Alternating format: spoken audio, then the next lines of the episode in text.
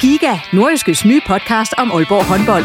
Vil du helt tæt på, hvad der sker i Danmarks største håndboldklub? Vi kommer selvfølgelig til at, til at gå all in. Så lyt til Giga, podcasten om Aalborg håndbold. Det går ondt på et hold som Aalborg, når man ikke leverer det, man gerne vil. Der sætter vi hver uge fokus på de vigtigste historier og største profiler. Dejligt at se, at han er den øh, afgørende faktor, som vi ved, han er.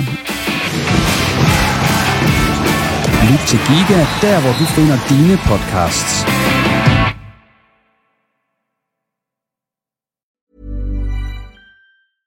Mom deserves the best, and there's no better place to shop for Mother's Day than Whole Foods Market. They're your destination for unbeatable savings, from premium gifts to show-stopping flowers and irresistible desserts. Start by saving 33% with Prime on all body care and candles. Then get a 15-stem bunch of tulips for just $9.99 each with Prime. Round out Mom's menu with festive rosé, irresistible berry chantilly cake, and more special treats. Come celebrate Mother's Day at Whole Foods Market. Hiring for your small business? If you're not looking for professionals on LinkedIn, you're looking in the wrong place. That's like looking for your car keys in a fish tank. LinkedIn helps you hire professionals you can't find anywhere else, even those who aren't actively searching for a new job but might be open to the perfect role. In a given month, over 70% of LinkedIn users don't even visit other leading job sites. So start looking in the right place. With LinkedIn, you can hire professionals like a professional. Post your free job on linkedin.com slash people today. Hvad har OB fået ud af mesterskabsslutspillet indtil videre, og har Hobro kørt en plan i stilling til næste sæson, hvor de formentlig skal klare sig uden deres topscorer? Det er et par af de spørgsmål, som der gerne skulle komme svar på i løbet af den næste times tid her i Riposten. Mit navn er Jens Otto Barsø. Velkommen. Og med mig i studiet i dag, der har jeg Bo Sink, der er cheftræner i Jammerbugt FC. Så har jeg Jens Hammer, der er sportschef i Hobro IK, og så Søren Olsson, der er sportsjournalist hos Nordjyske Medier. Og velkommen til jer. Mange tak. Tak, tak. Og øh, vi starter som sædvanligt lige med en runde rundt om bordet her, som vi jo så flot, smukt sidder ved. Og øh, vi starter over med dig, Bo. Øh, du har jo sat gang i sådan et nyt øh, projekt for unge fodboldspillere. Fodboldspillere. hvad, hvad, hvad, hvad er det for noget? Jamen, det er et, øh, en træning for U8 til øh, U12-13 spiller, det gør vi ikke. Vi tager det ikke så nøje. Der er en, der er lidt yngre end U8, kommer han også med. Eller hun. Øh, det foregår i øh, Jetsmark. Vi har lejet os ind. Mig og en, øh, en god ven, øh, Palle. Og der kører vi fodboldfærdigheder, hvor vi øh, gerne øh, træner færdigheder ved børn, især spark, det har jeg altid haft som kæphest, det synes jeg godt, vi kunne blive bedre til at sparke i det her land. Derudover, som lidt twist, så har vi målmandstræning øh, med, blandt andet øh, i den her weekend kommer øh, Kevin øh, Mendoza fra Tisted og gæstetræner, ellers så er det Paul, vores øh, normale anden divisionstræner, der, der, hvad hedder det, øh, der laver målmandstræning. Så det er simpelthen øh, for for alle i øh, Nordjylland, og hvis de vil køre længere, må de gerne det, så får de en øh, god gang øh, træning en 6-7 søndag her i, i, foråret, og det er, jeg ved ikke hvorfor, det kan man så spørge, det er fordi man elsker fodbold, jeg synes det kunne være sjovt, så er jeg fri for at køre med børnene, lander lige rige rundt, for at de skal gøre det, så kan jeg bare køre ud på, på stadion og træne dem der, det er lidt lettere. Hvor mange var der her?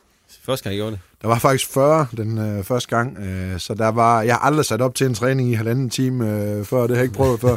Det gjorde jeg, det var, et, øh, det var lidt et øh, puslespil. Vi havde sådan en øvelse, hvor man skulle have en konkurrence i halvlæggende, der skulle de have fire kejler per barn. Så jeg skulle have 160 kejler, der skal du selv tro, der bliver talt efter.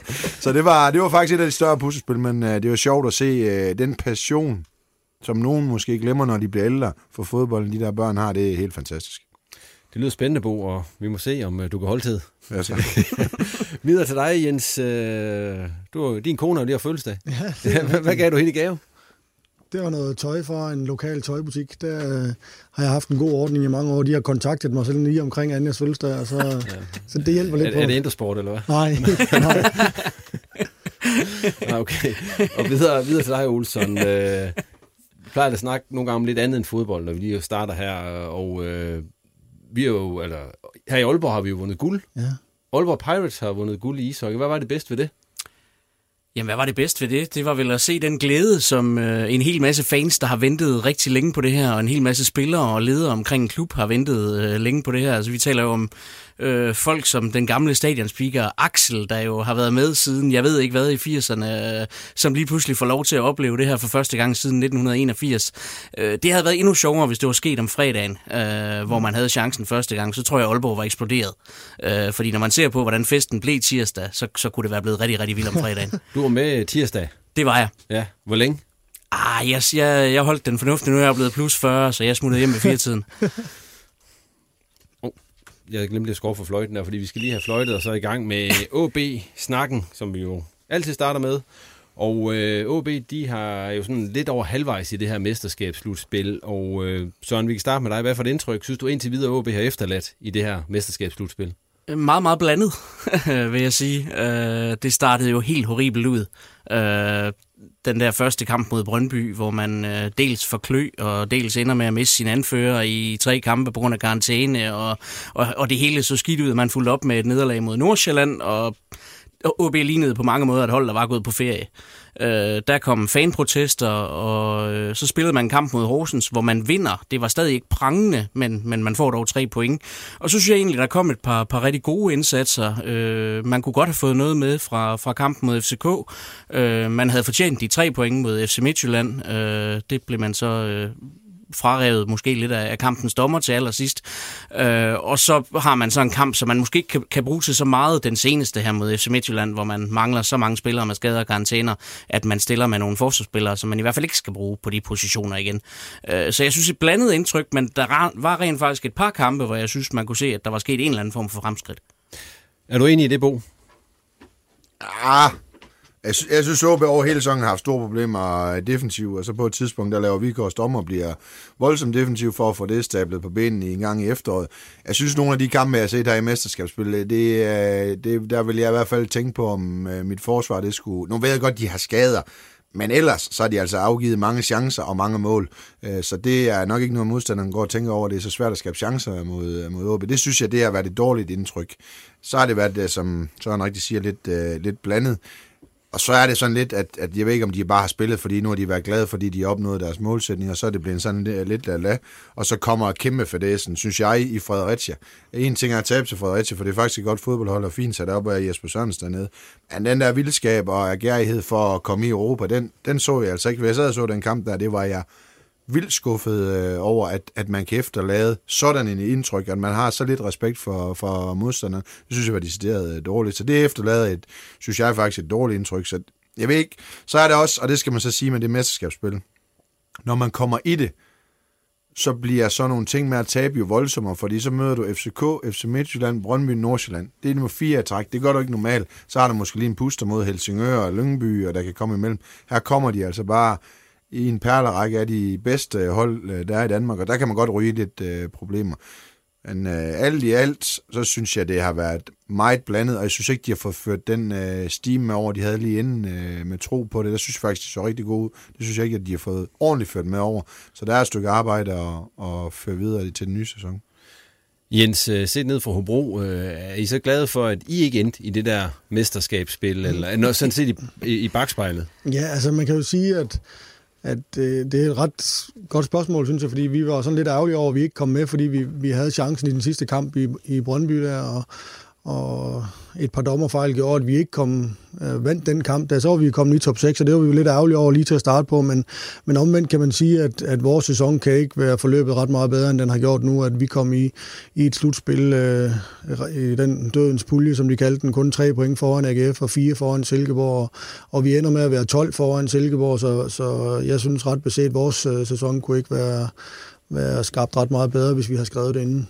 Vi vender til meget mere tilbage ja til jer senere, ja. men øh, og så fortsætter vi lige med OB her, fordi at øh, har OB fået det ud af det, som man synes, de kunne få ud af det ved at være blandt de bedste, eller havde de måske haft bedre af at, at, at spille nogle af de kampe, som, som Hobro har været ude i?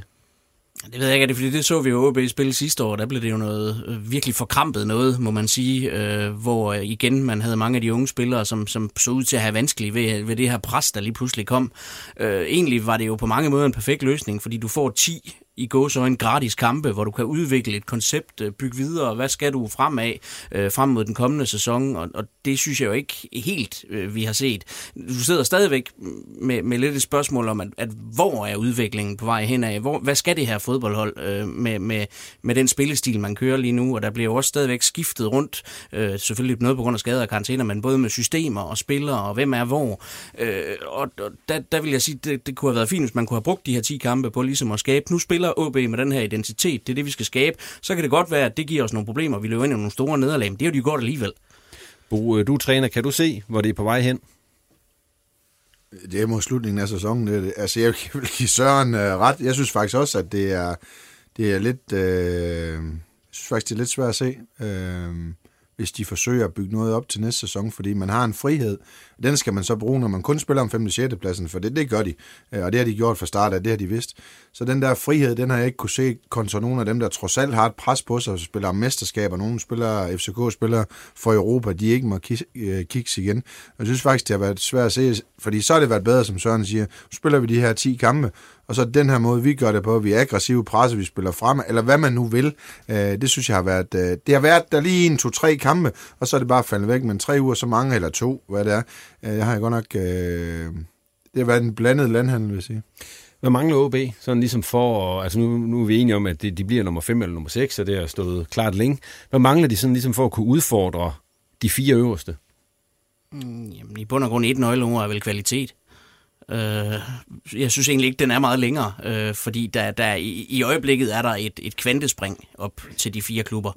Øh, og, og, og som vi har set OB spille i år, og med det spillermateriale, der er, så har jeg svært ved at, at se dem lukke det øh, bare på en sommer. Altså, der, der, vi taler meget mere, vi taler en meget mere gennembygget identitet, øh, et spillekoncept, der skal, der skal se ordentligt ud, før man kan tale om dem op i det luftlag. Øh, fint nok, man nåede top 6. Meget mere er man heller ikke til lige nu, og jeg synes virkelig, der, altså, hvor man tidligere har kunne se OB i nogle opbyggende faser op mod de her titler, de har vundet, hvor man kunne se, okay, det her det er på vej. Øh, den fornemmelse går man ikke med lige nu, øh, fordi at, at der er så langt op til Nordsjælland, FCK bare, og endnu længere op til, til, til Brøndby og, og FC Midtjylland, synes jeg. Jamen, er, er det ikke også vildt nogle gange, når man ser, dem der, der spiller topkampen, det ene hold, der er altså FC Nordsjælland, jeg ved ikke, hvor de er henne budgetmæssigt i forhold til andre. Øh, men men altså, det synes jeg, det er et imponerende stykke arbejde. Altså, nogle gange, når han selvfølgelig snakker om indkast og sådan noget, så kan det blive lidt for meget, men ellers har han godt nok forstand på fodbold, ham der træneren derovre. Og en gennemsnitsalder på 17 Jamen, det er helt virker vildt. det jo til nogle gange, og det, og, og det der, altså der må man sige, hvis man, dem kan OB trods alt at sammenligne sig med. Det, det er et hold, hvor de i hvert fald økonomisk kan være med. Og, og den der, det et hold, hvor man tænker, at lige om et år eller to, så kan de faktisk godt blive dansmester der, selvom de har budgetter og økonomi imod sig det har jeg altså godt nok svært ved at lige se uh, på stående fod, hvordan det skal komme i løbet af de næste to-tre år. Ikke fordi, men vi snakker jo om mesterskaber i Aalborg, for de, de kommer jo hver 5., 6., 7. år. Jeg har bare svært ved at se det nu. Og, og forholde sig mod Nordsjælland, der synes jeg faktisk, de er noget bagefter uh, dem. Og sammenligne sig med Brøndby FCK, det er de aldrig skulle, og, og kommer heller aldrig til det. Og det, sådan er det. Jeg synes faktisk, der er et stykke op til, til for eksempel Nordsjælland. Men når I siger kvalitet, er det så øh, i spillertruppen, eller er det i... Øh hele øh, måden, de spiller på? Jamen, det er begge dele, vil jeg næsten sige. Øh, der er jo nogle enkelte kvalitetsspillere, øh, som, som godt kan måle sig op i det, vi kalder toppen af Superligaen. Øh, men, men derudover, der så er der mange i det her mellemlag, øh, Øh, rigtig mange, synes jeg, som, som er udmærkede Superliga-spillere, men som aldrig nogensinde kommer til at løfte et hold mod nye højder. Øh, og, og så har igen, som vi har snakket om, at spilkonceptet ikke, stadigvæk ikke ser ud til at, at være fuldstændig gennembygget. Og så er kvaliteten jo selvfølgelig heller ikke der. Hvis man, hvis man fra gang til gang skal ind og vurdere på i forhold til modstanderen, hvad gør vi så? Og igen, i, i, øh, når man skal spille fredag aften mod AC Horsens, jamen så får du sikkert en Oliver Abelgaard ind, fordi han skal ind og stikke Simon Okusun. Øh, og igen går man væk fra det der, som OB egentlig altid har kørt med, at vi spiller vores spil, mm. og så er vi ligeglade med, hvem vi møder. Jens, hvis du kunne, øh, nu snakker vi kvalitet, hvor mange OB-spillere kunne du bruge, ja. du kunne bruge? Nej, jeg kunne bruge rigtig mange af dem, men, men jeg synes, det er sådan interessant ved det her med, at, at dengang den her 14-holds uh, turnering blev indført, så, så siger Øh, mange folk, at øh, det, var sådan lidt defensivt tænkt, især for at få flere bundhold med, men jeg synes, det har været rigtig godt for toppen, og det må jeg bare sige, at de kommer til at spille mod hinanden øh, fire gange på en sæson, og, og ikke for at afsløre alt for meget om min uh, tårhylder der, men jeg er vild med det der slutspil der, fordi altså, det er nogle gode hold, der spiller frem og vil score mål, og jeg må bare sige, at de fire hold, I nævner der, de er jo langt foran alle andre i dansk fodbold om det var OB eller Horsens eller AGF og OB, der var kommet med i top 6, der, det, det er næsten ligegyldigt, fordi det er, det er nogenlunde på samme niveau, men, men de fire der, de er bare gode, og de bliver bare bedre og bedre, og det, og det, det synes jeg, at den her, det her slutspil her, det er med til at gøre dem bedre, fordi de bliver matchet på et rigtig højt niveau uge efter uge. Hvis vi lige ser på OB's øh, resterende kampe i det her mesterskabs øh, slutspil, de har, har fire kampe tilbage, de møder Horsens i morgen, vi optager det her torsdag aften. Altså, hvor mange point får de? Max 4. Jamen, det vil sige en 3-4 stykker, ikke? Altså, så er Horsens er mulig, øh, og, så, øh, og så er en uafgjort mod måske Nordsjælland, eller... Øh... Har de Nordsjælland hjemme? Jo. Dem kan de godt slå hjemme, mm. hvis, hvis de har tabt hvis... den der bronze, ja, ja, så får de et point altså... i morgen i Horsens. Men Olsen, du har været ude og, og se dem træne i dag, altså hvad, hvad for et hold er de stiller med i Horsens? Jeg vil sige, det, det er fremskridt fra, fra sidste uge. Øh, okay. Vi har ikke Magnus Christensen og Oliver Ebbelgaard i, i midterforsvaret for HB den her gang. Øh, det, det synes jeg, man fik set, da det skal man ikke. Der bliver øh, en, en debut, som jeg ser det, til Nikolaj Lyngø i midterforsvaret. Det synes jeg er spændende. Øh, en mand, jeg synes, man længe har, har set, der, der godt kan blive til noget, men det er selvfølgelig en hård dyst, der kommer ind i med det samme. Øh, man ser tit med unge spillere, at det, de mangler først og fremmest, det er fysikken til at starte med. Hvis der er noget, Horsens har, så er det altså fysik. Øh, og så tror jeg, at vi får en Christoffer Pallesen at se tilbage på højre bak. Uh, og så tror jeg faktisk endnu en gang, at det bliver uh, Wissam Abu Ali op i angrebet, og det bliver også interessant over for uh, netop det der fysiske Horsens-mandskab. Mm. Til gengæld har han speeden, som kan gøre ondt på dem. Når vi så uh, snakker om de her nu, nu om de her resterende fire kampe, så efter de fire kampe, alt efter hvor mange point de får, uh, hvad for et OB-hold tror I det er, der går på ferie der? Altså sådan rent uh, mentalt. Kommer det til at afhænge af, hvor mange point de får her, eller, eller er det bare sådan lidt... Uh, up in the air i øjeblikket. Selvfølgelig kommer det lidt an på de næste kampe, fordi igen, enhver sportsmand vil altid gerne vinde. Øh, hvis han ikke vil det, så skal han finde sig noget andet at lave. Øh, men, men igen, det er jo ikke hele sæsonen, der står og falder med de næste fire kampe. Altså målet er i princippet nået, og, og vinder man i Horsens i morgen, jamen, så har man også ligesom taget det mål, man kunne sætte sig i mesterskabsslutspillet, mm. øh, og tage femtepladsen. Mm. Øh, men men øh, altså, det vil jo ikke være super. Jeg tror ikke, du nogen om 10 år vil du ikke kunne finde en OB-spiller, der har været med på det her hold i år og sagt, hold da kæft, det var en dejlig sæson. Øh, dertil har der simpelthen været for mange svips og for meget usikkert, for meget, for meget skidt. Ja. Tror du, der kommer til at ske meget ud i OB i sommerpausen, Bo? Det, det tror jeg desværre ikke. Altså, jeg håber, at, at der bliver rusket lidt op i det, fordi øh, jeg, jeg synes, det er stadigvæk de vil jo sige, når sæsonen er færdig, og de forhåbentlig har fået femtepladsen, at målsætningen er indfriet. Vi kunne ikke have gjort det bedre, alt er noget. Jeg synes bare, det er, jeg synes, det er defensivt, og jeg synes, det er uambitiøst, fordi den måde, jeg ser på OB, jeg har altid gjort det som den klub, jeg holder med, det er et hold, der kommer blæsende på hjemmebane, der er mega stærk. Folk, de er skrækslagen, når de skal op. Jeg, jeg, jeg, jeg mangler bare lidt de der, jeg mangler også de individualister, der har spidskompetence. Spidskompetence, så kan man sige, ham Jeppe Kvist nede fra Horsens, ja, undskyld, og ikke verdens bedste fodboldspiller. Man kan kaste lang indkast, jo øh, Mads Justensen, når han, øh, han kan hate, han kan forsvare. De der virkelig store spidskompetencer, jeg mangler flere af dem på OB, så er det mange powerspillere. Jeg håber, at nogle af dem bliver skiftet, så jeg håber, der kommer til at ske noget. Jeg har brug for noget mere gærighed, noget sult. Altså jeg ved godt, at, om, og vi sidder og lidt efter, men det var vi også i efteråret, hvis nu de ikke nåede top 6. Det er det selvfølgelig noget. Jeg synes bare, det er mere moden, at, at man godt kunne have ønsket sig mere.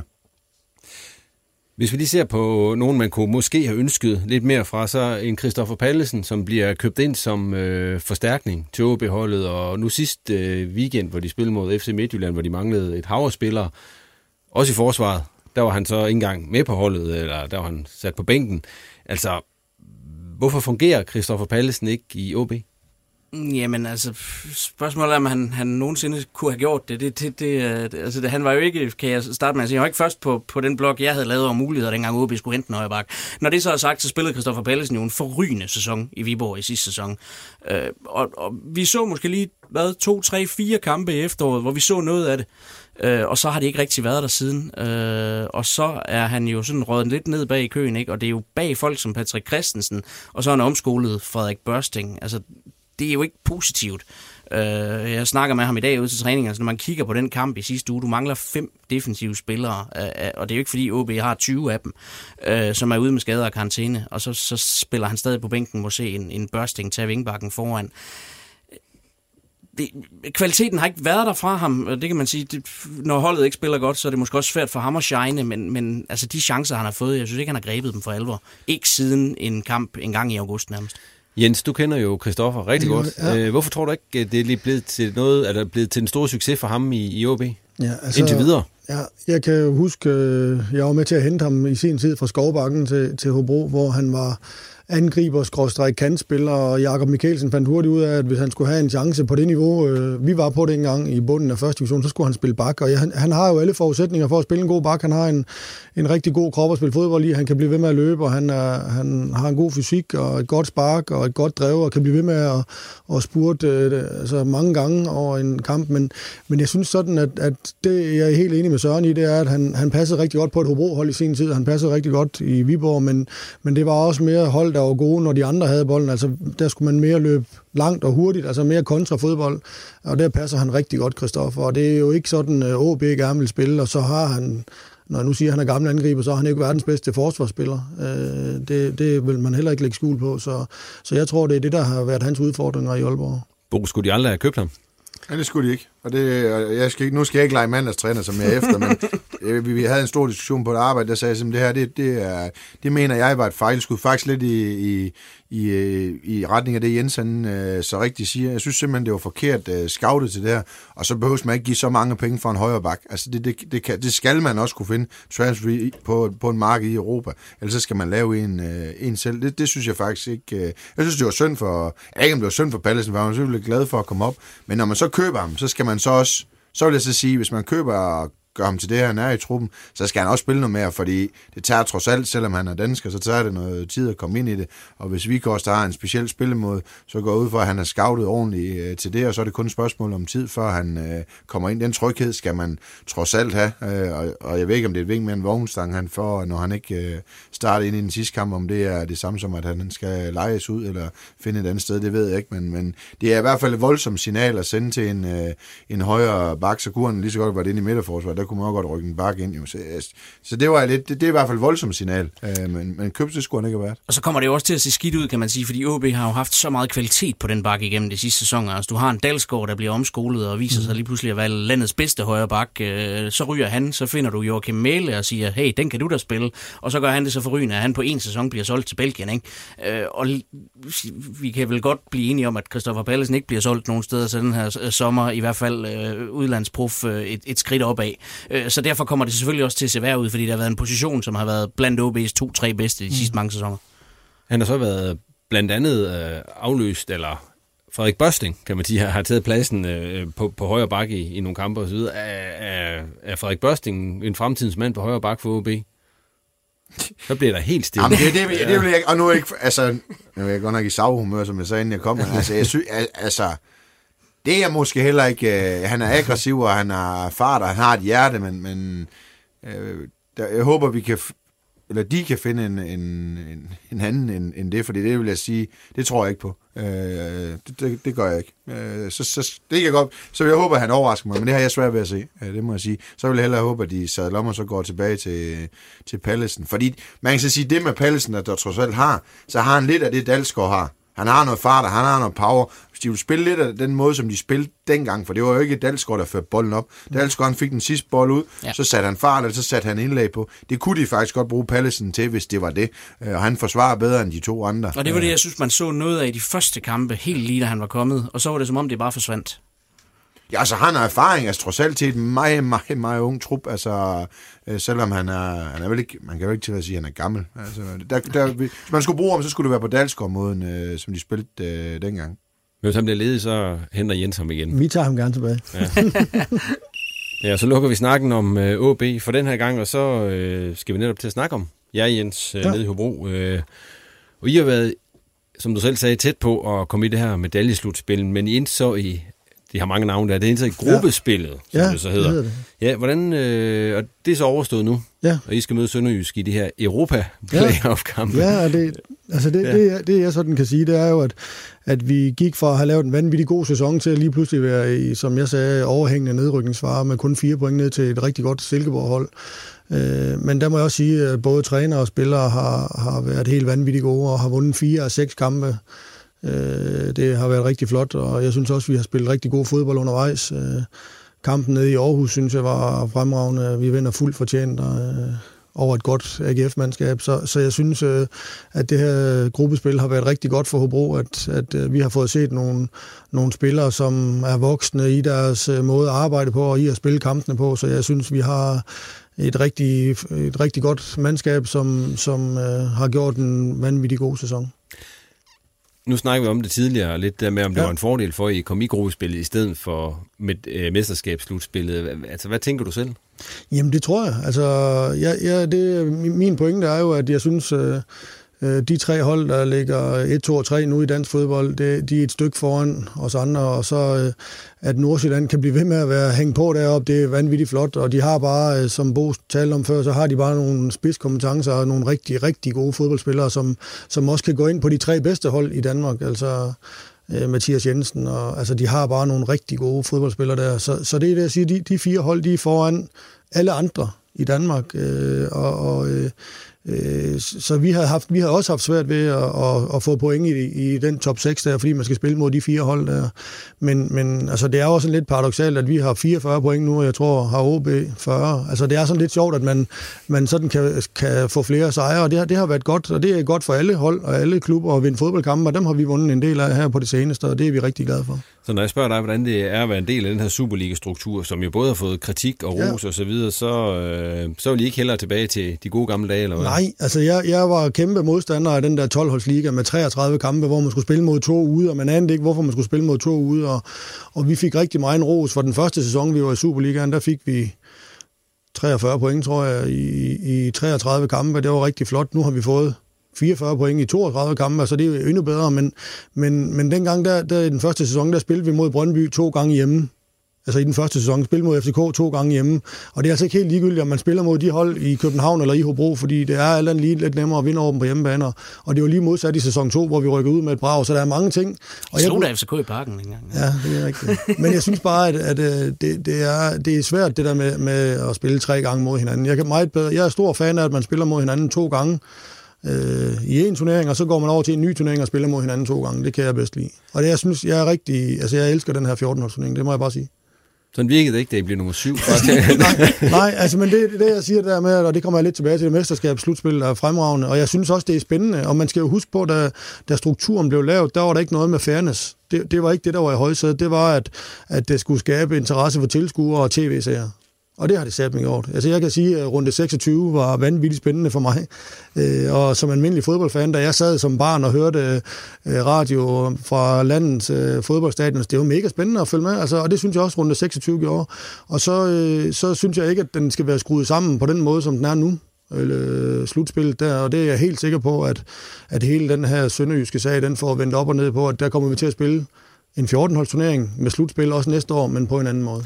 Nu er du selv inde på det, Jens, fordi ja. at efterfølgende, der, I var jo meget utilfreds øh, med, med, med den syvende plads, og ja. med måden, det foregik på det hele ja. videre. Nu her, nu er det kommet lidt på afstand. I har ja. reddet og så videre. Ja. Hvordan ser man internt på den måde, hele den her situation blev taktet på? Ja, altså var det, der for meget jammer? Jamen, jeg synes jo, det var en tabersag for alle parter. Altså, det var en trælsag for dansk fodbold, det var en trælsag for Sønderjyske, og det, det har været også træls for os, synes jeg. Altså, og, og det, der er vigtigt for mig at understrege, det er, at det var, har hele tiden været en sag mellem Sønderjyske og Dansk Idrætsforbund. Det har ikke noget med os at gøre. Vi var trætte af, hvordan det så ud, og som, som den rapport, de har lavet... Øh, Øh, og de er jo kommet frem med, at der var nogle indiser, der, vi, der, der tydede på, at der var sket noget, men der var ikke beviser nok til at, at, at indstille en sag til, til matchfixing nævnt. Og det, det øh, er jeg rigtig glad for, at der er nogen, der har undersøgt, for det synes jeg, at dansk fodbold havde fortjent, og så øh, har jeg ikke ret meget mere lyst til at snakke om det, fordi det, det var træls, øh, for at sige det som det er.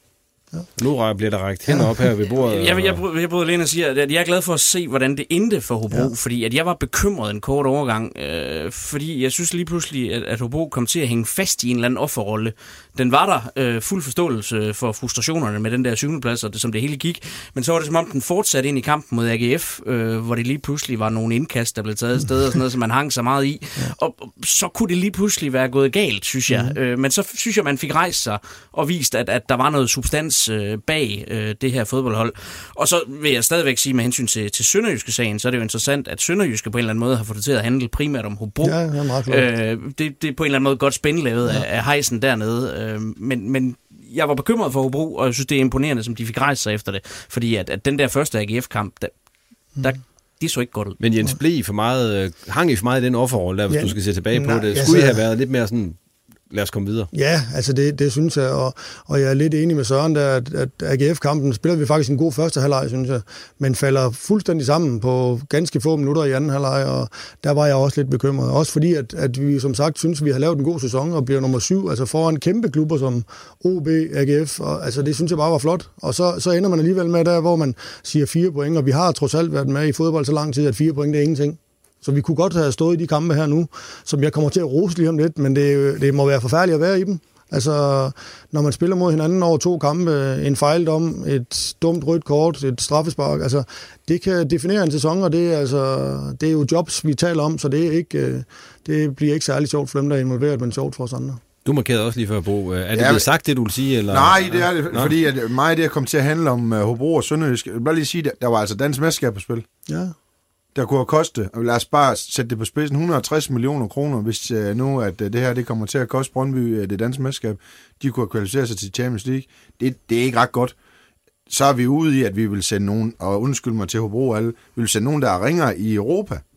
Det er også strukturen, der har gjort det. Så, så jeg er enig i, at Robinson-strukturen, som, som noget af det her det er, det er fint nok for tv-serierne, men vi, vi har altså også et ansvar over for fodbold, fodbolden i sig selv. Så må vi gå lidt ned i tv-penge, så fodbolden den, den bliver rigtig. For, ja, for mig er Robinson i det her. Øh, så nummer 8 kan komme i Europa, eller nummer 9 i stedet for. Altså over. Det synes jeg ikke er okay. Jeg synes, der er noget af den her struktur, der bliver nødt til at gennemse. Og dengang, øh, jeg ved godt, Jens, det der med tre kampe, det er jeg faktisk enig med mig i. Men de, da de 12 hold var i Superligaen, der kørte den faktisk fantastisk, hvis du har lavet 11 pladsen om til en playoff. Så er pengene passet, så har de bedste hold været i, i rækken, så kunne de have givet skrald mod hinanden og lavet et mesterskabsspil. Så noget i strukturen skal også øh, laves om i det her, synes jeg.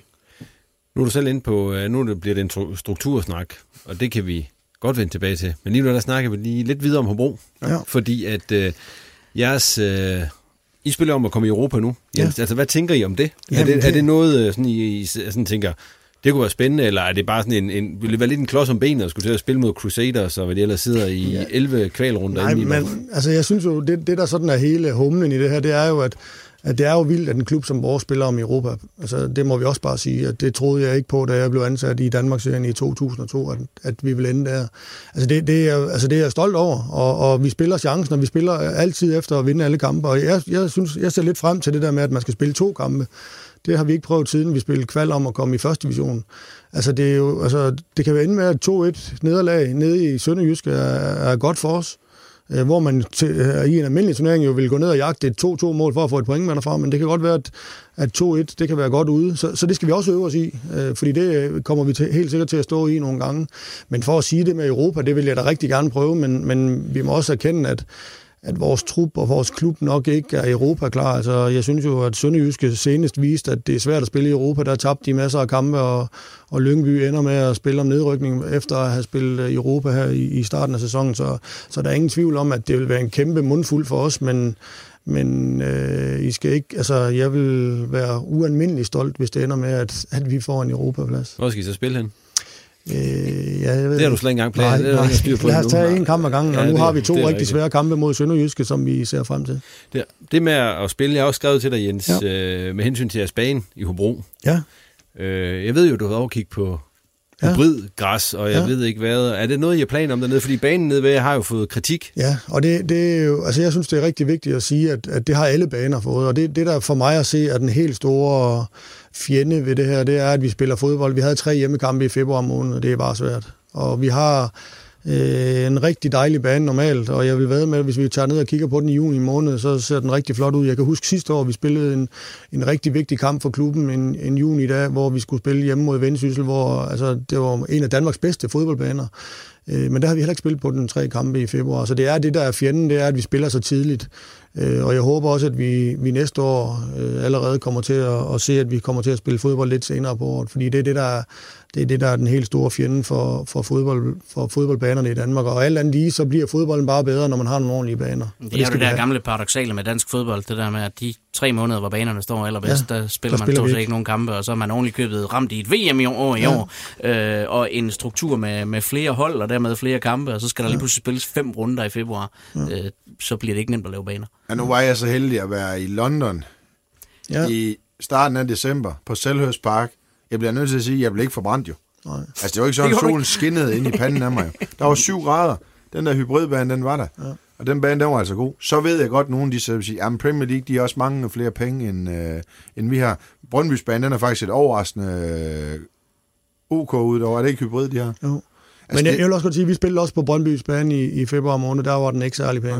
Men hvordan kan det så være, at de ikke... Altså, hvordan, altså det, det er ikke fordi, at jeg Nej, siger... Men hvor- hvordan er det så, de gør det i England? Er det bare, Ja. fordi de har flere penge, vi har? Ja, altså man kan jo sige, at, at de starter med at få 1 milliard i tv-penge, Ja, hvor, ja, ja. hvor, hvor de 100 millioner af dem er, er, er, er kun er til banepleje til deres stadion. Fordi at tv-produkter, det er jo dem, der betaler pengene, så de vil have så gode baner som muligt. Så jeg kan sige, at hvis vi havde 100 millioner i Hobro til at lave en bane, så tænker jeg også, at vi kunne lave den lidt Hvor mange penge har I Hobro til at lave en bane for? Cirka en, tænker jeg. Ja. Men, men det, jeg siger bare, at, at der er selvfølgelig forskel, øh, og der er også lidt forskel i varmegrader i, forhold til England. Men, men det Men er, er, bare varme, svært. der er varme i banen. Ja, det er der. Ja. Og, og vi har alle, alle de der ting opfyldt, men det er, der er jo ikke vækst i banerne i februar måned. Altså, Det, det er der bare ikke.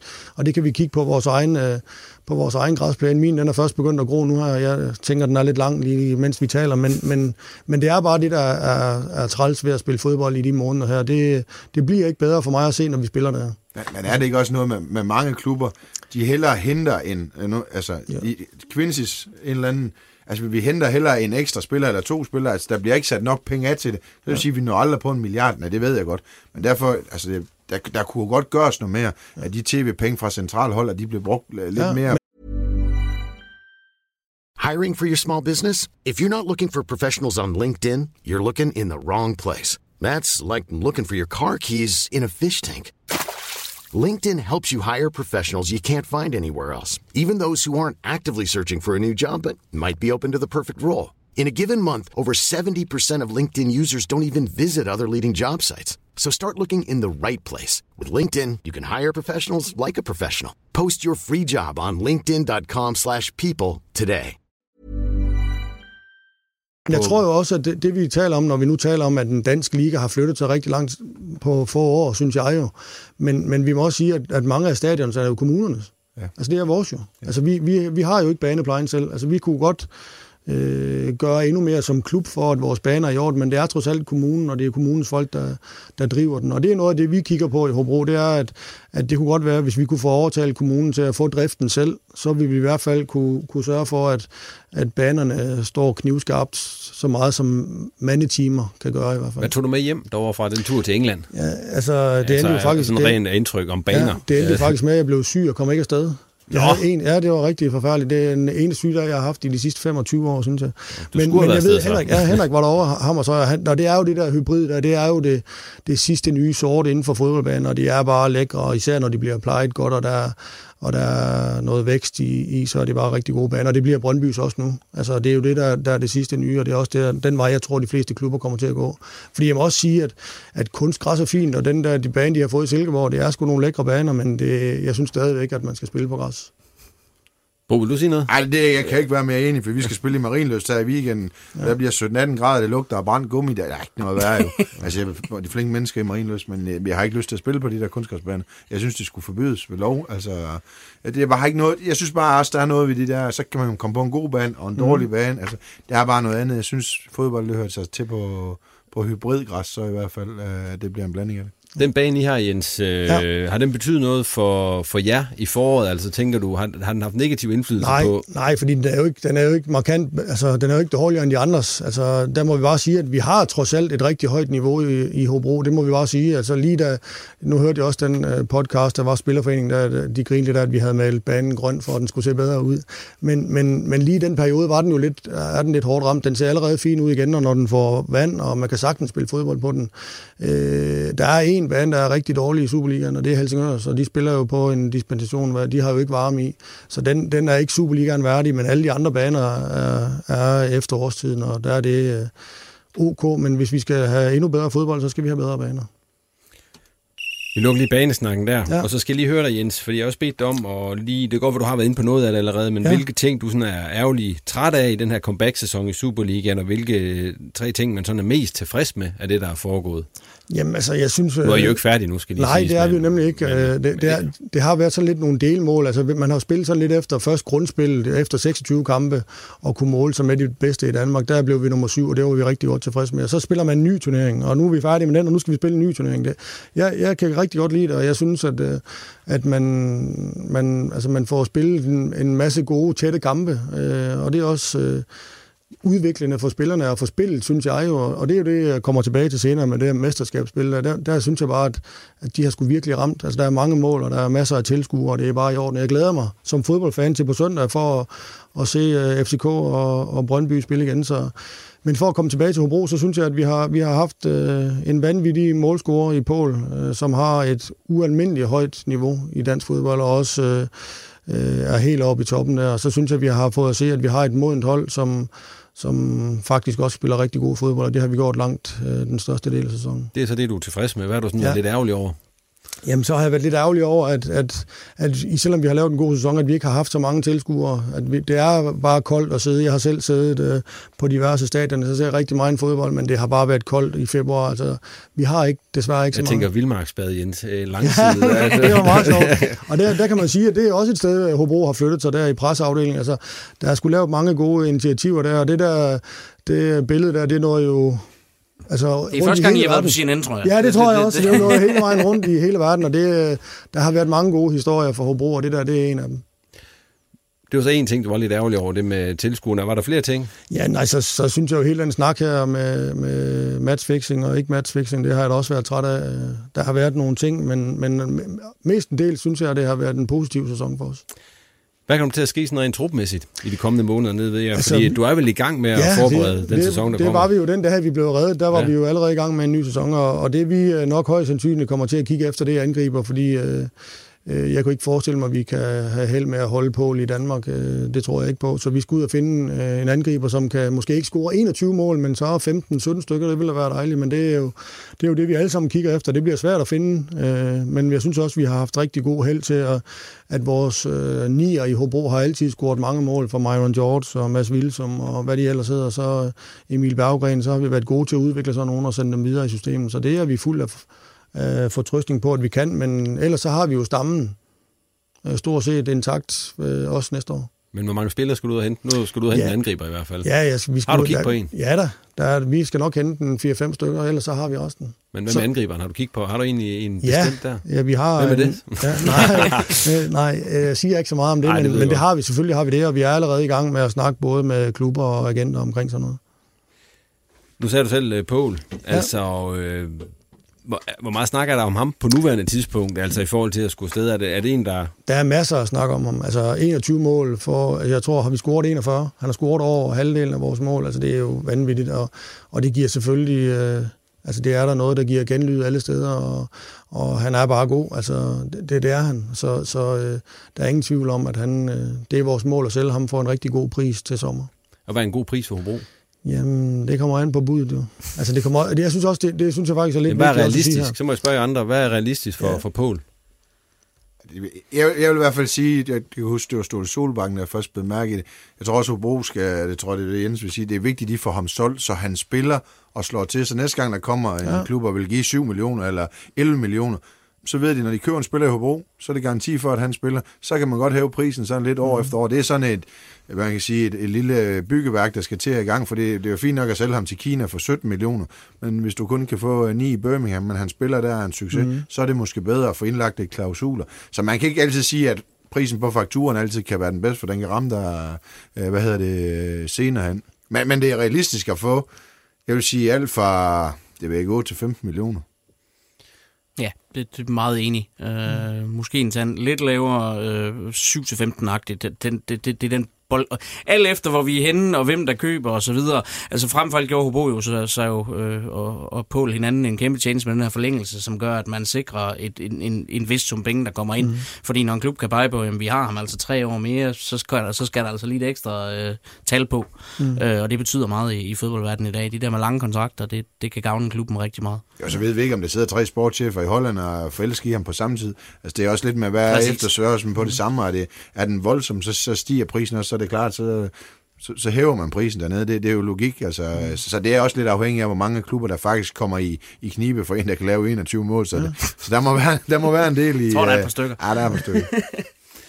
Men hvis I sådan sammenligner med det, som OB for eksempel har solgt uh, topscore for Spalvis uh, og, og så videre, altså er Pål mere værd end en som Spalvis for eksempel? Ja, det, ja, ja, det er jo det, nu tænker jeg lidt med træner. Jeg vil rigtig gerne, altså jeg vil hellere have Polen, jeg vil have Spalvis dengang. Fordi Polen, han kan også noget andet. Altså det er også en, der, jeg har hørt Thomas spørge mange gange, i den første fase er deres omstilling. Altså der, det kan godt være, at han laver 21 mål, men der er altså en omstillingsfase for Hobro, mm. hvor han holder i 70 procent af de bolde, der ja. kommer op i alle mulige vanvittige højder. Det er altså ikke særlig let at spille med ryggen til mål og holde fast i så meget. Så, så det bliver også et tab for Hobro mm. i, i den del af Jamen, det er jo også meget sjovt, at det er jo en spiller, vi nogle gange har snakket om, at, at han er for lidt inde i feltet, mm. øh, fordi han laver så meget andet, han yder så stort et arbejde, og så står han alligevel nu som topscorer med 21 mål. Ikke? Altså det viser bare, hvor meget han betyder, at han er ja. både med i det opbyggende, han er med i det defensive, han arbejder, han scorer 21 mål. Altså, han har været en alt mulig mand på af den Ja. helt store slags. Men kan det også give sådan lidt sug i maven, når du tænker på, at han ikke er der næste sæson? Ja, jamen, ja altså det, det gør det selvfølgelig. Altså 21 mål er svært at undvære i en klub som vores, men, men vi er også øh, fulde af fortrøstninger, fordi vi har haft øh, rigtig gode angriber i Hobro. Og jeg har jo også før talt om Quincy her, at, at øh, tit de spillere, der har spillet ved siden af Quincy, har jo shined i vores klub, og han har altså lavet en masse af plads, øh, Quincy, for hans øh, angrebsmakker igennem tiden. Så fløjter vi lidt af for Hobro-snakken her, fordi at uh, tiden den flyver ja. Jo afsted, og uh, vi må se, hvordan det ender med jer i den her sæson, Jens. Om I skal ud og spille Europacup, ja. Ja. eller om, uh, Det bliver spændende. I, om I bliver Ja. her i Nordjylland. Hvad hedder det? Uh, jeg synes lige, vi skal tage jeres anekdoter. Er I klar med dem? Ja. Og uh, Bo, vil du starte? Er det det med... Øh, De to bedste fodboldkampe, du har set live. Altså, den, øh, den bedste, jeg har set, det er Danmark-Nigeria 28. juni 1998. 4-1 øh, på Stade de France. Det er også svært at stikke. 80.000 tilskuere, og man kiggede ned på det der Nigeria-hold, så tænkte jeg, hold op, vi får ind på hatten hernede. Så laver jeg faktisk skrevet ned, så kunne jeg ikke huske det. Peter Møller scorer, Laudrup scorer, Sand og Helve scorer i en 4-1 sejr dernede. Øh, og det var, jamen, det var sindssygt. Det var en verdensklasse oplevelse dernede, det må jeg sige. Og øh, ja, det, det bliver ikke ret meget større. Så er der nogle, det er mere sådan nogle overraskende kampe her på det sidste, synes jeg. Der er faktisk, valgt- jeg måtte kun vælge to, så har jeg selvfølgelig valgt tre. Mm. Og det er mere fordi, at begge kampe, øh, Crystal Palace Everton var vi over, så ikke noget på papiret stort opgør. Men jeg kommer over med, øh, med en kammerat, og vi, vi går rundt omkring det stadion. De er helt vildt flinke derovre. Mm. Altså, vi får en guide hen til det der billetstand der. Det var så ikke der, vi skulle have billetten. Det var over i Maine. Vi går derover, der er den heller ikke. Så bliver vi vist ovenpå. Så, så tænker jeg, vi kommer ikke ind og ser den her kamp. Så siger man, om det var ja, ja, men det var det. Så får vi vores egen uh, skybox jo. Og der sad vi og så kampen. Det var helt fantastisk. Så er jeg med uh, mit uh, firma, hvor jeg er uh, til daglig ved Sandistol. Vi er nede og besøge et, uh, et firma i, i Holland. Og der er så en af de øverste, der kender en... Uh, de sponsor ind i Twente, og vi finder ud af, at de spiller pokalkamp. Og de skal møde Karambur. Ikke noget stort opgør, men det er kvartfinale i den hollandske pokal. Der kommer vi også ind, tror jeg også, til normale billetter. Igen, der ryger der lige et par skybox, og så sidder vi nærmest som op med vi er de øh, arabiske øh, millionærer deroppe. Så de to havde bare lige med den skybox der. Det var lidt øh, specielt på så store stadion så at få tildelt det. Men øh, præmien går til Danmark Nigeria. Det var en, øh, det var en fantastisk oplevelse. Det er så 20 år siden. Ja. Ja. Tak. tak for den. Jens, Ja, øh, forstod du den her? Jeg har sendt Jamen- vi kan prøve at se, om du Ja, har forstået mig rigtigt. Ja. Hvem er de bedste spillere, du har trænet, og hvilken spiller, som du har haft under vingerne, både som sportschef og træner, er kommet længst på ren vilje? Ja, altså det er jo sådan lidt et spørgsmål, der er delt ind i to, at, at øh, jeg synes jo, da jeg kom til Hobro igen i anden omgang, der, der var Kasper Fisker og Danilo, der det var vanvittigt dygtige fodboldspillere. Øh, mere leg end hårdt arbejde øh, var det for dem. Øh, Kasper han har så siden fået det hårde arbejde med. Øh, så har jeg også nævnt en spiller som Jens Gessing, som var outstanding for os. Øh, fremragende fodboldspiller og dygtig til at, med bolden og dygtig til at forsvare. Han havde det hele godt blik for spillet og hurtig og kropstærk, har jeg skrevet. Altså han var virkelig, virkelig dygtig, synes jeg. Altså han havde det hele. Han var bare desværre øh, ramt af dårlige knæ, så han holdt. Øh, øh, og så er, der, så er der dem til det hold, der er der nu. Altså Myron George. Øh, jeg har aldrig set øh, en krop være så god at spille fodbold i, som den han har. Han er vanvittigt hurtig og stærk og kan hoppe, og, og jeg synes, det er godt set af Midtjylland, at de køber ham. Øh, så ham er vi spændt på at følge. Og så, øh, så har der jo været øh, Paul Vito nu, og så øh, er jeg jo vild med Quincy. Altså han har også mange ting. Øh, så, så det synes jeg er nogle af de bedste spillere. Og så øh, kan man vel ikke komme udenom Mads Justesen og Jonas Damborg. Jeg tænker, det er dem, du har tænkt på, da du stillede det spørgsmål her. Fordi Ja, de, også være nogen, de er i øh, hvert fald nået langt på vilje. Men jeg synes jo også, at det, det er jo sådan lidt øh, spændende, fordi at, at talentbegrebet, det, det er for mig også mest vilje. Så, så der kan man sige, jeg synes jo, det er store talenter, de to der, og de er jo fra, fra naturens hånd ikke særlig teknisk begavet, og slet ikke nogen uh, gudsbenåede boldspillere, men, men jeg synes, hvis man skal definere ordet talent, så er de begge to kæmpe talenter, fordi de har fået meget ud af deres, øh, Øh, af deres fodbold, og de, de vil vinde, og, og de er nået dertil. Altså, hvis man spiller Superliga i dag, så har man vilje. Øh, Men de to, de står for mig som nogen, der har en stålsat vilje, og det er grunden til, at de er nået dertil, hvor de er. De har begge to spillet, øh, ja, masser af spil, øh, snart 350 kampe, tror jeg, for Hobro, og, og Jonas har vel spillet over 200 kampe i den bedste række. Ja, 300 måske. Så øh, de har nået langt på deres vilje, vil jeg sige. Tak for det, Jens. Og videre sig, Olsen. Øh, Vi bliver så net ved Hobro, for du skulle fortælle om dit bedste og værste Hobro-minde fra kampe eller træninger. Du har været til, jeg ved, du har været til nogle træninger, som du Altså, kan det er jo overhovedet ikke ledende, det spørgsmål. øhm, lad os starte med den negative, for der bliver vi ved det med træningerne, fordi det har jo været lidt af en, en saga Må- i, må han i, være der, eller må han ikke være der? igennem den Ja. tid med Hobro. I, I, vi har prøvet det, da de var i Superligaen senest, var vi til flere møder omkring, og hvordan skulle træningen nu lukke, så hvordan skulle vi ordne det her. Og så var vi egentlig kommet ud på den anden side, og så lige pludselig i den her sæson, så optræder det igen.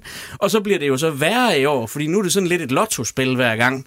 Øh, slår en terning, og hvis jeg har slået en femmer, så må jeg komme og se træningen nærmest. Den ene gang får jeg at vide, at jeg kan komme derned og lave interviews, øh, og så får jeg at vide, at vi kan ikke lave interviews nu, du må gerne blive at se træningen, så kan vi lave interviewsene bagefter. Og der havde jeg dagen for inden talt med pressemedarbejderen, der siger, at den er nok lukket i morgen.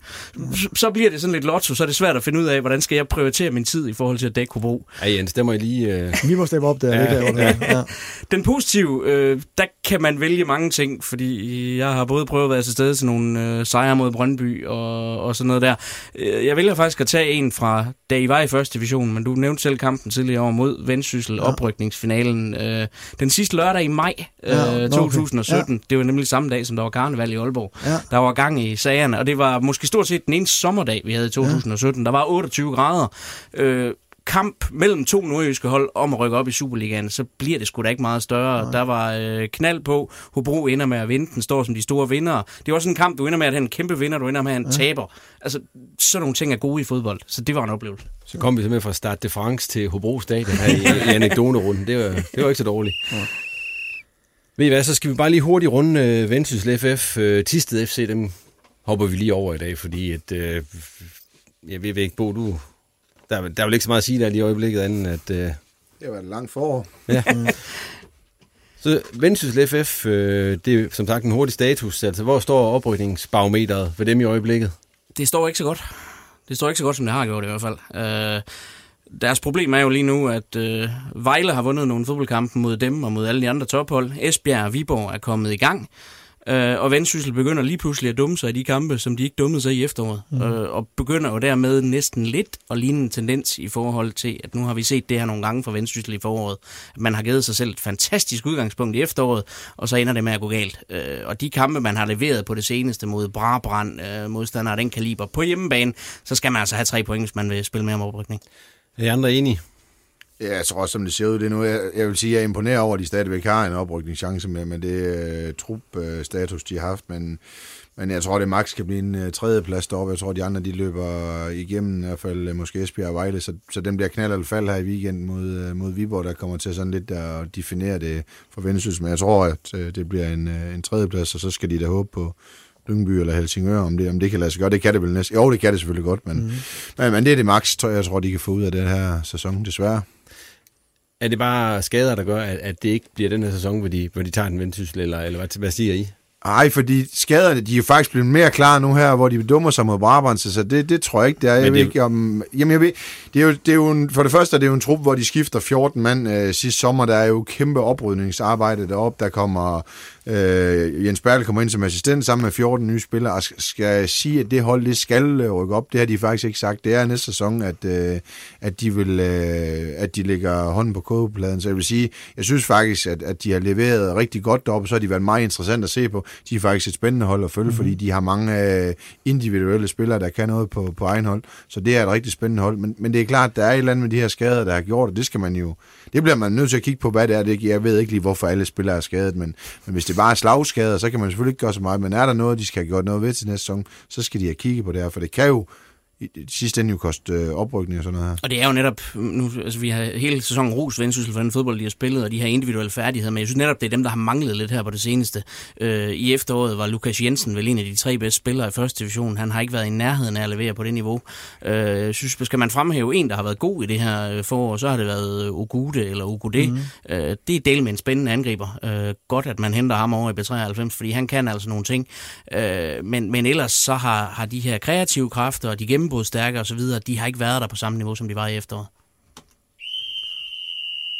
Og med et hissigt fløjt, så skal vi snakke om nogen, der også har mulighed for at rykke op. Stadigvæk uh, Jammerbugt FC, som jo, Bo, jeg er jo, jeg er jo stadigvæk inde i det. Ja, vi ligger nummer tre. Ja, det er jo det. De første to, de rykker op, så det må man jo sige. Det er fire point op, ikke? Og de har hentet ind. Ja, jeg er ja. fire point ind øh, på, på øh, en lille klub som Næstved, så det, øh, ja. er det mindste problem. Hvad, når du går status over det her forår indtil videre, hvad, hvad tænker du så? Jamen, vi har ligesom øh, Jens nævnt med Hobro spillet jo øh, to sæsoner. Vi øh, er i, øh, i den anden sæson nu. Den første, den var helt fantastisk. Vi vandt øh, vores øh, gruppe øh, ovenpå et, et hold, der lige har spillet om øh, nedrykning og øh, hvor øh, Lars har ført dem øh, fint ud af det, men så går man til at vinde sin pulje, og nu spiller om oprykning i kamp mod, mod Næstved, og så nu snakker vi lidt om, inden vi gik i, i studiet, mange der bor i Pandrup, der bor cirka 2800, det var det samme, der så os i Næstved, da vi mødte dem på udebane. Så det er lidt det, det vi er op mod, så vi tager det faktisk meget, meget stille og roligt det her, øh, og, og nyder, at vi er med i det. Vi, vi satte os en målsætning, da vi gik i gang, at, at vi vil ikke bare indtage en, en rolle, hvor vi siger, at det, det er bare for at lære. Vi vil også vinde nogle fodboldkampe, og så vil vi se, hvor, hvor, hvor vi er gode, hvor kan vi bygge videre på, hvad kan vi lære til næste sæson. Øhm, og lige nu, der, der ligger vi og spiller om oprykning, har haft en masse øh, topkampe, og har virkelig flyttet os. Øh, og, og det er både især trænerteamet omkring øh, for ny assistent i Jan, og vores målmandstræner Paul har gjort det fremragende med drengen. Og så har drengene arbejdet det er den trup, jeg har haft, der har arbejdet hårdest i en opstart. De har, de har løbet meget. Altså, de, vi har virkelig bygget på den øh, del, og vi har lavet en masse kulturskift øh, deroppe, som, som Lars også var i gang med, som har vi har kørt videre. Men vi har lavet en del skift med, hvordan man skal agere for at være et øh, forhåbentlig kontinuerligt tophold i anden division, hvordan man skal agere, hvis man vil videre i den her fodboldverden. For vi er en del af det store spil, så vi skal forhåbentlig sende en masse spillere øh, videre øh, til første division, og forhåbentlig nogen, der kan gå i Superligaen. Det er, det er der, hvor vi er, men vi vil også gerne spille med, øh, hvor det er sjovt i anden division. Hvordan vurderer du mulighederne for at rykke op? Altså, I har stadigvæk en del kamp tilbage. Altså, men vi, nu har vi valgt at køre med faktisk en uh, makaber og smal trup her i, i foråret, så, uh, så den er, ja, det bliver svært, men, men jeg vil sige, nu, nu har vi meget fokus på, og det her, nu bliver det virkelig klichéagtigt. Mm. Vi har sjovt nok fokus på at spille på lørdag i Marienlyst, på kunstgræs? Vi, ja, på kun, vi, kan, vi, kan, vi er ikke i en situation, hvor vi kan gå ud og så uh, like Karl Smart. Det, det gjorde vi i Avarta. Det var nær ved at koste mig en blodprop i pausen. Vi skal koncentrere os om at spille i Marienløs. Det, det er der, hvor vi er lige nu. Der skal vi levere et hårdt stykke arbejde. Ydmyg, som nordjyde er, knalde til de der fynbord der. Så må vi se, hvad vi kan få ud af den øh, kamp dernede. Vi kan ikke gå og kigge øh, 3, 4, 5 kampe øh, frem. Det, det dur vi ikke til. Der er vi slet ikke øh, som trup endnu. Men det lyder som om, I har fået noget ud af det der løbearbejde, for jeg tror, det er tre gange i år og fire gange i år, I er kommet tilbage efter pausen, mm. ikke? Og jeg tror, det er tre gange i det her forår, hvor du har sagt til os, jeg har aldrig været så rasende, som jeg var i den halvleg der. øh, ah, den her gang var det, voldsomt. Det bliver... Den her gang var det voldsomt, og det, og det vilde er jo, at jeg begynder at styrketræne helt vildt ved siden af jo. Eller helt vildt. Men så jeg skal jo forsøge at vælte noget glas saftvand på et bord. Jeg vælter kun et jo, det var direkte næsten billigt i pausen. Ej, det var skidt mod Avarta, det var mere indstillingen, at det, der manglede indstilling, der manglede kvalitet på alle tingene, for vi, vi havde dybest set læst, hvad de kom med, men vi manglede noget. Øh, men, men vi har, det er ikke, vi har hentet mange efter i anden halvleg, fordi vi, vi har løbet og løbet og løbet. Nogen spurgte jo, om det var en atletikklub, de var meldt ind i. Men hvis man skal spille fodbold, og man skal forsvare sig godt, man skal angribe godt, så skal man altså være i en uh, kondition ud over det sædvanlige. Og det jeg har sagt, og det sagde til spillerne, vi har nøjagtigt det samme antal timer, som de har i Næstved, som de har i Hvidovre, som de har i Skovshoved. Det har vi. Og dem kan vi bare bruge klogere end mm. de andre. Så kan det være, at vi kan indhente lidt på den front. Det kan være, at de kan købe bedre fodboldspillere, end, end vi har råd til. Uh, men men hvis, hvis det der parameter ikke er i orden, så bliver vi aldrig udviklet tilstrækkeligt, synes jeg. Hvad vil det betyde for jer? Altså, nu ved jeg godt, du siger, at I ikke rigtig øh, ser så meget på det der oprykning og, og så videre. I tager en kamp ad gangen og så videre. Men et eller andet sted må I vel også, når I ligger, hvor I gør, begynde at se på, hvad det vil betyde for klubben, hvis I lige pludselig kommer i første division? Uha, det vil, det vil, det vil være en fed oplevelse. Og det at rykke op er helt vildt fedt. Altså, det er pisseskæt. Uh, god aften, og det er bare en kulmination på en god sæson. Uh, det vil betyde meget. Altså, der vil være en masse logistik omkring uh, klubben, der lige pludselig skal... Hvor skal vi spille hen? Kunne man, uh, det kan være... Vi skal spille et andet sted jo, uh, hvis, hvis, hvis en bane og et, et stadion ikke lige pludselig står der i løbet af ingen tid. Uh, det vil forhåbentlig betyde, at vi er kloge nok til at tage stammen med, og vi heldigvis kontrakt på, på alle spillere efter, efter den her sæson også. Tag dem med i første division, ligesom man gjorde i min tidligere klub. Fordi den der DNA, man får i trupper... Det er vel det, man kan lære af Tisted. Mm. Øh, og det er efterår, de leverede. Og den kontinuitet, de havde der, at det er det, man gør. Jamen det kan man også, altså nu står Jens ved siden, der har de gjort øh, to uger, tre gange rigtig flot, så de ved også, hvad DNA betyder i trupper. Øh, og, og det der med at kan lide hinanden, øh, og vil løbe lidt ekstra for hinanden, og man har det godt. Det der med øh, omklædningsrummene, det, det, er ikke, øh, det er ikke en sag eller noget, de siger de bare. Det betyder altså noget, at man har det godt sammen. Man lærer hinanden at kende øh, og arbejde med det samme. Ja, så vil det betyde noget, øh, det er jo klart, det betyder noget økonomisk, og det, det skal man jo bruge ind i klubben. Øh, sidste gang man havde det helt store eventyr helt tilbage i Blok i tiden der fik vi ikke øh, nok ud af de penge, der blev skudt ind i klubben. Det skal man, der kan være noget infrastruktur, der skal være bedre, osv. osv., osv. Men øh, det er om otte kampe og otte sejre, hvis øh, det, skal, det skal blive et tema. Hvad overrasker dig mest her i løbet af foråret? Jamen, det har været overraskende. Helt. Jeg har sådan en, en træningskamp i hovedet, vi spiller med Aarhus Fremad på udbanen, det er i sommeren. Det, det så altså ikke ret godt ud. Det, det bliver jeg nødt til at sige. Jeg tænkte, at vi rykker ud. Altså, det, det her, det, det holder simpelthen ikke vand jo. Altså, vi førte 1-0 halvlejen. Alle de store kigge ned i græsset. Øh, Øh, der kunne man godt se, at, at den, det havde været hårdt, det her for dem.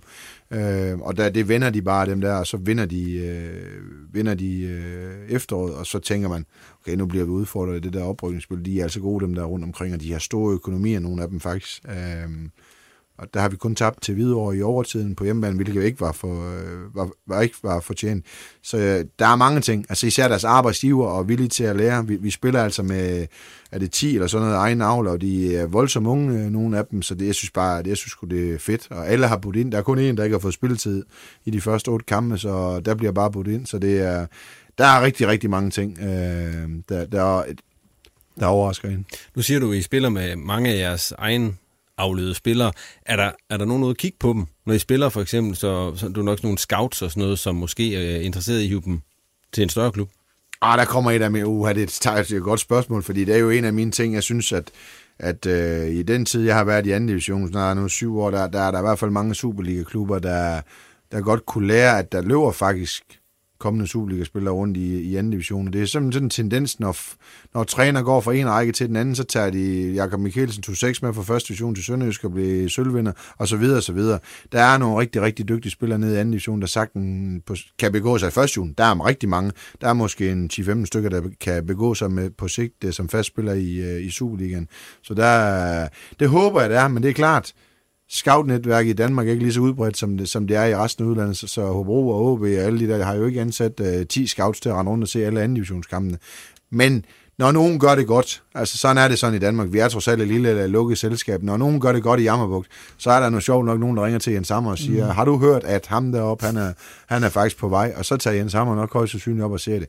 Men de har desværre ikke tid til at se alle anden divisions øh, kampen. Så kan det også være, at man selv tager initiativ til at, øh, det kan jeg huske første sæson, øh, Hobro rykket i, øh, i Superligaen, Quincy ringede til mig den der, han var på vej til Hobro, så han, hvad, hvad er der? Han var på vej til Hobro efter hvad, siger jeg så? Jamen, han var nede og skrev kontrakt. Og, øh, og så tager jeg ned og besøger ham, så får jeg faktisk snak med Jonas Dahl om Søren Ræse dengang. Så nogle gange vil man jo også gerne forstå mig ret af med sine spillere, for man er jo stolt, når man sender dem videre øh, til Superliga-klubber. Og det, det kan også være nogle gange, man selv tager initiativ, fordi nogle gange, ligesom måske Pål, så er der nogen, så skal de ikke være i ens miljø mere. Mm. Så, de simpelthen, så skal de altså skubbes videre. Det skal man være dygtig til som træner og klub. I hvert fald ned ved os. Øh, det er ikke lige det samme i Superligaen, hvor der er penge involveret. Øh, vi får jo ikke millioner af kroner for vores spillere. Jens, hvor meget anden division har du set? Jeg, ser, jeg elsker også se fodbold. Øh, jeg kommer også en del og ser anden division, og det er jo faktisk det, der, der er hele pointen, det er, at det er jo de, den talentudvikling, der er i dansk fodbold lige nu, den er rigtig god. Altså, nu er det helt store ramaskrig i den by, hvor jeg kommer fra. Randers har mistet deres A-licens, men de, de, de har jo, øh, der er jo rigtig mange klubber på rigtig højt niveau, som, som uddanner spillere over lang tid. De får rigtig god træning, for de er 13 år gamle, 12 år gamle, og nu er der jo kommet topcentre, så det er helt ned til 10 år gamle, at de bliver, at de bliver uddannet rigtig godt, og, og der er bare rigtig mange gode fodboldspillere i Danmark, det er der bare, og nogle af dem spiller i første division, nogle af dem spiller i anden division, så der er dygtige spillere over det hele. Det gælder bare om for en klub som vores at finde de rigtige, øh, øh, og sådan er det jo.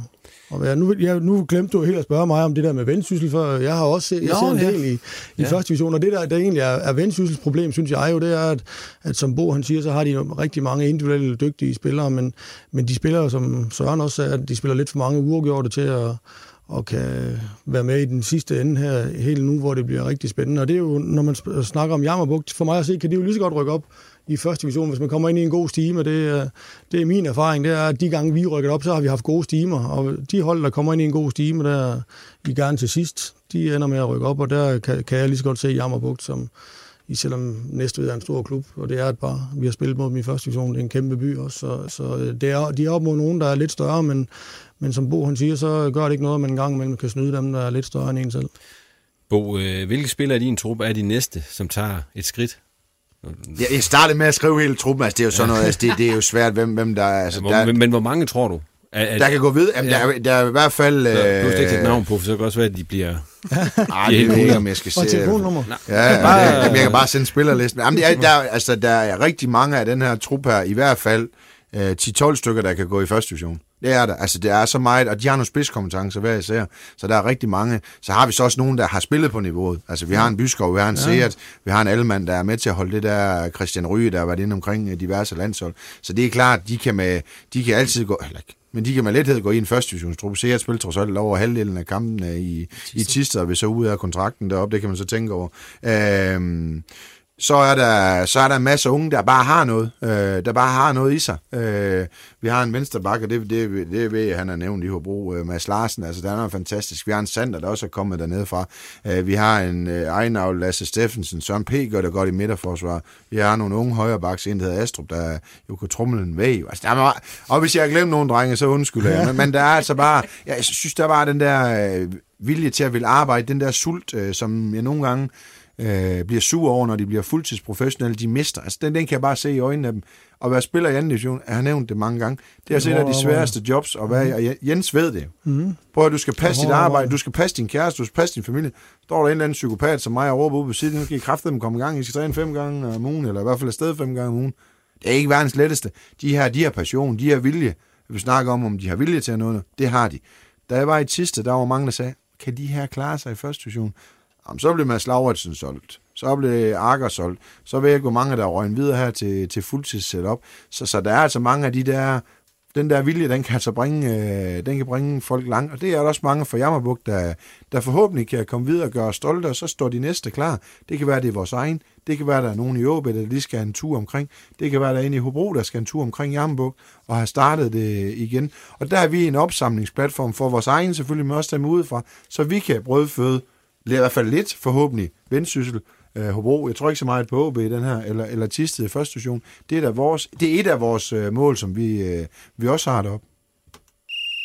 Ved I hvad? Tiden den er ved at være gået. Så vi er nået frem til øh, tårhylerne. Og Bo, vi nåede ikke den der så lange øh, struktursnak der i dag. Den tager vi, den tager vi en anden gang. Men uh, tårhylderne skal vi have. Olsen, han skal næsten have lov til at slutte, fordi han, han har lovet store ting. Han er hissig, siger Ja, det ved jeg ikke. Han sagde, han var lidt gal i hvert fald. Ja. ja. Jeg vil godt starte så. så starter du, Jens. Ja, det, som I sikkert har hørt på mig, så øh, glæder jeg mig helt vildt til, til at følge slutningen af slutspillet, men også de her vanvittige playoff-kampe, øh, som over to kampe, øh, der er, det ikke forsk- der er ikke ret stor forskel på holdene. Det kan være et dumt rødt kort, det kan være en dommerfejl, det kan være en personlig fejl, som gør, at man lige pludselig skal ud i de helt voldsomme kampe om at ende i første division. Så det glæder jeg mig helt vildt til som tilskuer, fordi jeg er rigtig glad for, at vi ikke er endt der. Jeg har svært ved at se en almindelig Superliga-kamp, når vi er involveret. Øh, der jeg kunne forestille mig, at nerverne de hænger uden på tøjet, og det gør de jo på, på hele klubben. Sådan. Så jeg, jeg glæder mig til at se, uh, se de kampe der også uh, rundt omkring på stadion. Så uh, jeg synes, at den her struktur den er rigtig fin for dansk fodbold. Så en positiv tårhylder for dig, Ja. Jens. Videre til dig, Bo. Jamen, den bliver også øh, positiv. Det er gået og tænkt over, hvad der har været så negativt i den her, men det kunne jeg ikke rigtig finde. Så jeg ser Roma Liverpool øh, i går, og øh, jeg synes jo, det er fantastisk. Jeg ved godt, de har mange penge Roma og Liverpool, men, men de har jo ikke, der er kvantespring op til de helt store. Så jeg synes bare, det er rart, øh, eller rart, jeg synes, det er dejligt, at, at nogen kan lave et godt stykke håndværk, både i Rom og, og, i, og i Liverpool, at de kan ende i en semifinal i Champions League. Trods alt i den her verden, hvor vi siger, at penge styrer alt, så er det rart, at øh, Liverpool og Roma kan komme i en semifinal. Hobro kan gøre det godt i Superligaen. Jammerbuk kan spille om, øh, om oprykning til første division. Altså, at der er nogle historier rundt omkring i den her verden, hvor penge ikke er alt, øh, der styrer det, hvor håndværket også kan være der og lidt, lidt vilje. Øh, så det derfor var jeg glad, da jeg så den der semifinale i går, og en af dem er kommet i finalen. Øh, for der er en 6-8-10 hold, der er noget kun økonomisk stærkere end de to øh, klubber, og har bedre materiale at arbejde med.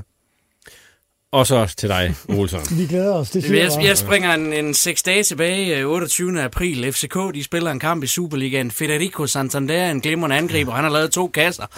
Og så går der lige pludselig stjernenykker, og jeg ved ikke hvad, i den her kære angriber fra Sydamerika. FCK får et frispark. Det mener han så, han skal sparke. Anfører William Kvist siger, at vi har ham her, Robert Skov. Han har rent faktisk sparket frispark ind, jeg ved ikke hvor mange gange. Santander, han vil have sit fucking hat-trick. Og så går han op, og så høvler han ellers den her bold 10 meter over, 10 meter ved siden af. Hvis jeg havde været træner, så var han bænket resten af sæsonen. Sæt sig selv over holdet på den måde. Et hold, der rent faktisk spiller for nogle medaljer i europæiske placeringer. Det gider jeg simpelthen ikke se på. Uha. Hørt. Og jeg står lige Åh, over oh, ja, nu snakker du, det er ligesom Ole, han gjorde sidste gang. Jeg begynder at snakke, jeg vil til. Hvad vil du sige nu, Bo? Nej, jeg vil ikke sige mere. Nej, okay. Jamen, så kan jeg godt, kan jeg, Hvor er det vildt. en- er, der, Undskyld. er der nogen, der har noget til for? Nej. Nej, så lukker jeg. Ja, så har vi altså ikke mere på programmet denne gang. Hvis du kunne lide programmet, så abonner på det i iTunes, eller hvor du nu har hørt det. Og del det også meget gerne med andre, der er interesseret i nordjysk fodbold. Ris og ros, det modtager vi som sædvanligt gerne på Twitter og Facebook. Tak for nu, og på forhåbentlig genhør, når vi er klar igen om sådan cirka en to ugers tid.